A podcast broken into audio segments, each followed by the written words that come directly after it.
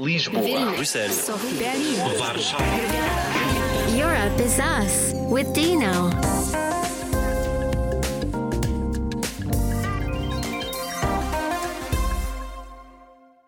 Europe is us, but who are we? Stay with us and you'll find out. I'm Dino, a Slovenian journalist working at Euranet Plus, a radio network bringing you this podcast.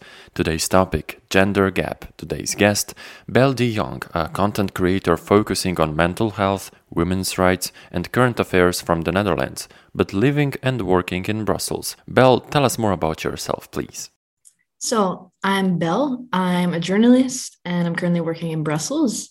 I'm 22 years old and I studied communication studies with international relations when I was living in Malta. And originally, I'm from the Netherlands. So now I'm closer to home again in Belgium. So, yeah.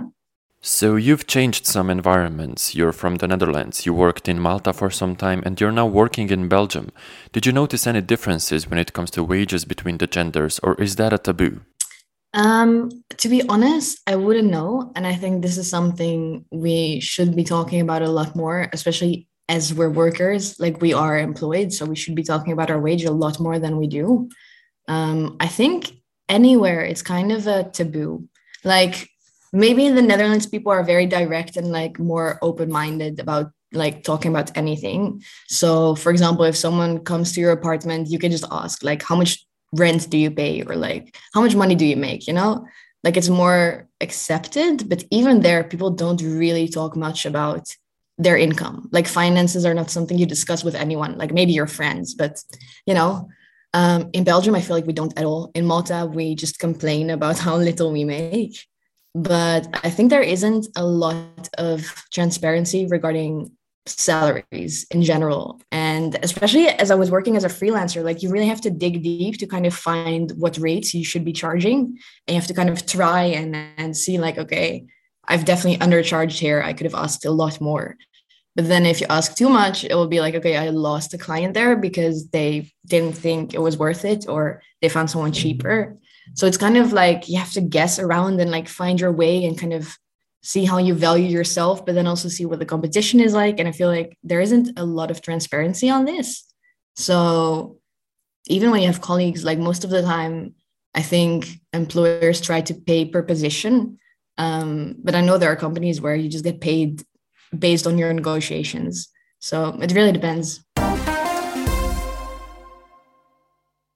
As you said, pay wages should be discussed, and I'm glad that we can, during the European Year of Youth and also through this Europe is Us podcast, discuss topics that otherwise maybe wouldn't be on the agenda. Religion also influences the positions of genders. The vast majority of Maltese are Catholic. Did you notice any influence of religion on the treatment of women there? Oof.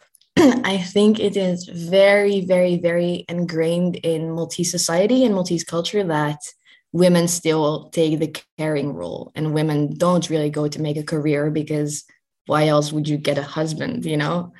Um, or why else would a husband get a wife if she's not taking care of the children and the house and and doing these things? And i think it's changing in our generation. Like of course most of my friends are planning to you know they're studying. Um, there are actually more girls in university than uh, guys which is interesting. But it's it's there's a lot of change to be made. Whereas i think if i compare it to like the netherlands or belgium it's way more normal to see like um, women in like higher positions or like running businesses or you know really going for their career instead. Um, although lately like a few months ago malta did introduce a quota in parliament. So i think it has to be like the same amount of men and women in parliament right now, which was very controversial. Like not everyone agreed with that, which I understand. There's like a lot of different sides to it. But um they're they're moving forward, you know?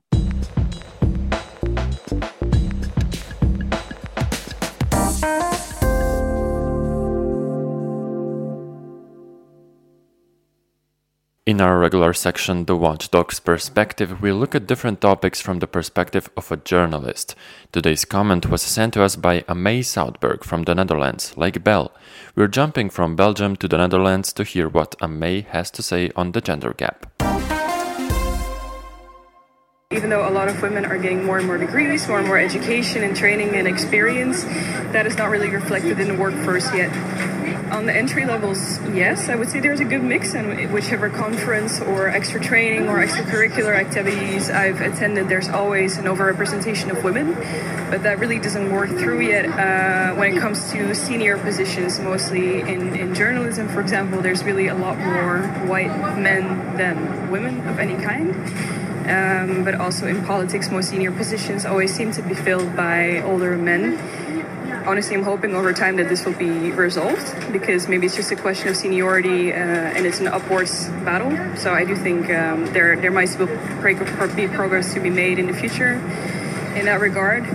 Um, but I do think maybe positive discrimination or the incentivization of, of, uh, of, hiring women rather than men in these positions might still really be able to make uh, a difference in closing that gender gap. And from the Netherlands back to Malta and Belle's experiences there. Malta's abortion law dates from the 1850s. Have you experienced it? Yeah, unfortunately, yes.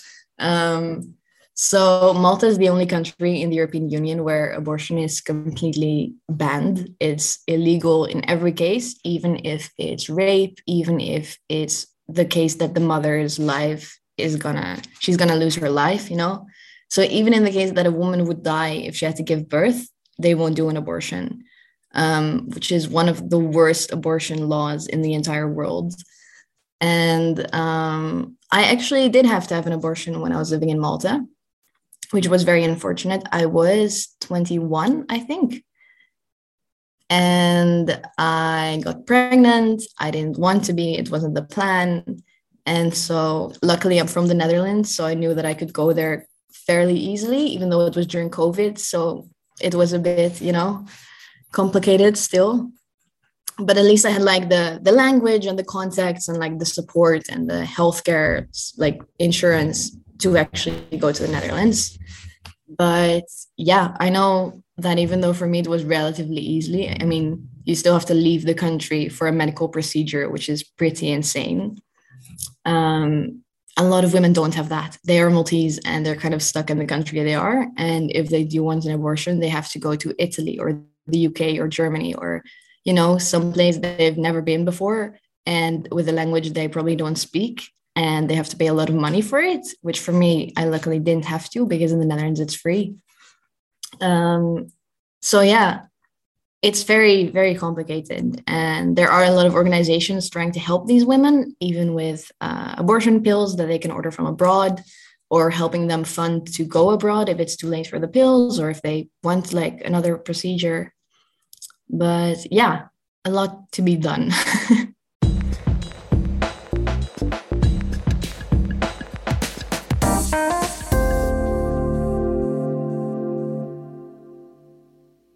few personal questions for you, alright? We do these every time. They tend to be the toughest. What's your favorite memory? Oof. My God. My favorite memory. It has to be like, I think my memory is a bit messed up as well. Like, I don't remember much from my childhood. But when I was 19, I went on exchange in university to Melbourne in Australia and it was just the best period of my life. Like i made the best friends. I went to all of these festivals like and i think one of like the most wholesome times was which is actually crazy. Like i still can't believe it happened.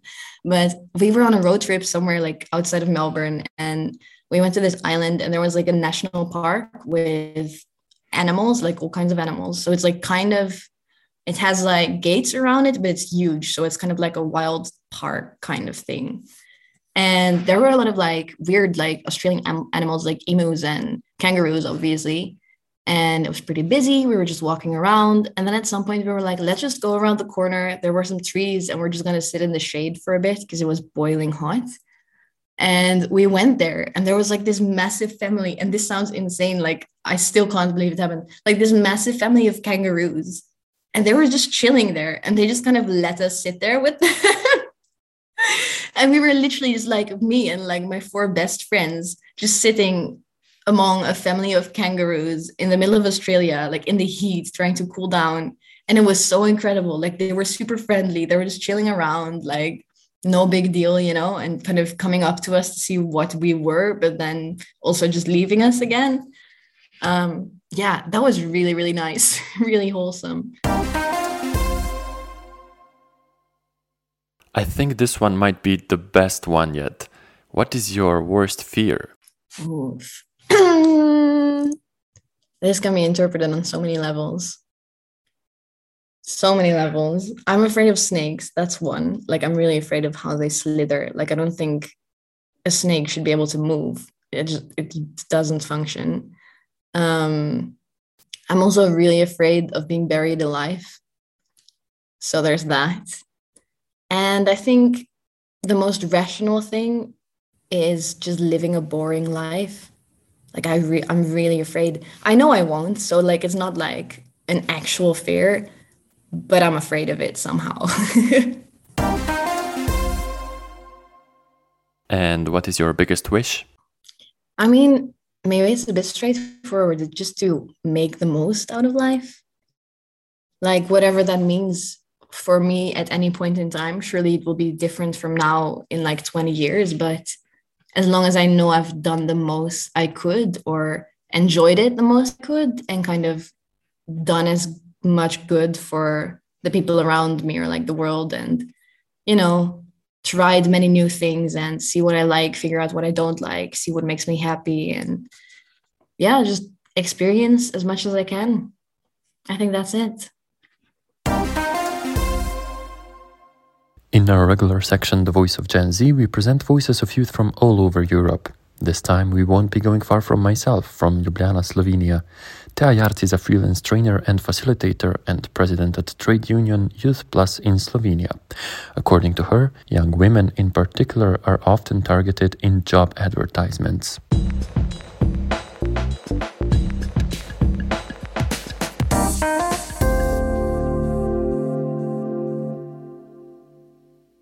Že sami oglasi so včasih napisani samo za en spol.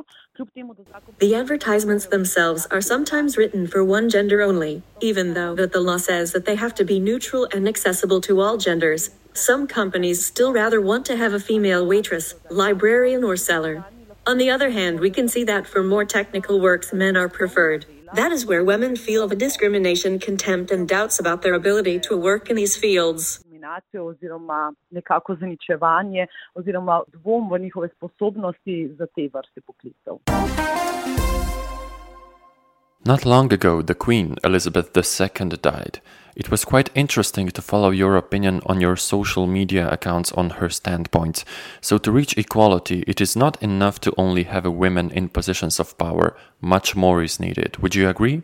Yes, um, for sure.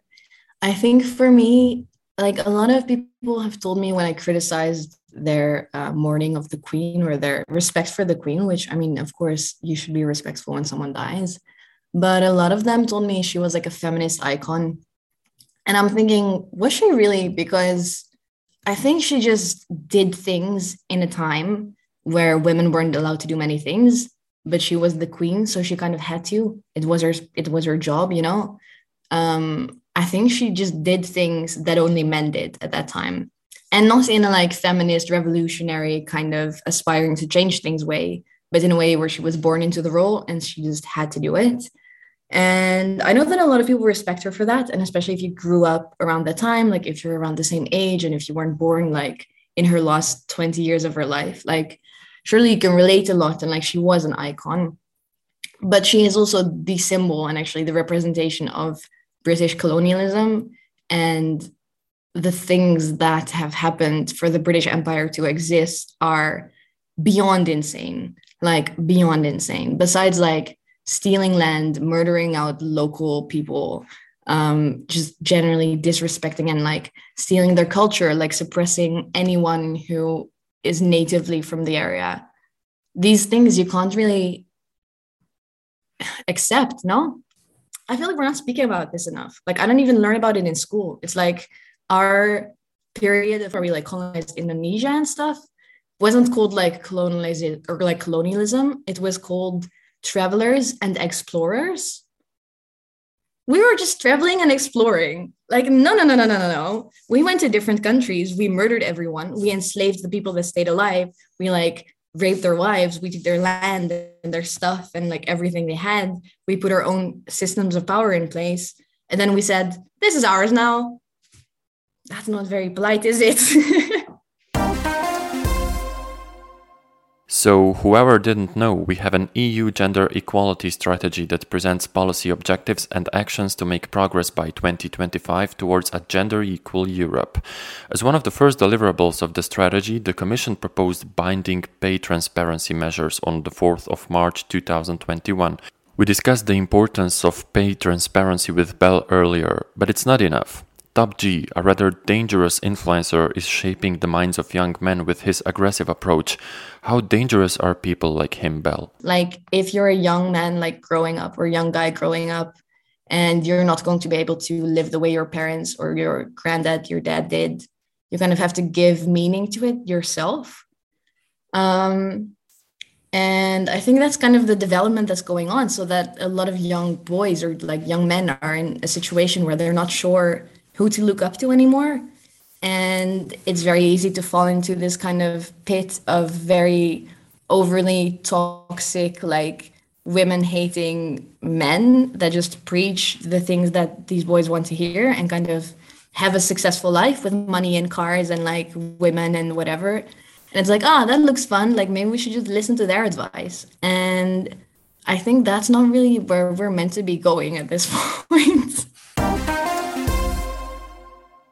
Belle, thank you very much. And to our listeners, don't forget to subscribe to the podcast and listen to what we have to say because Europe is us. Lisboa, Bruxelas, Varsóvia,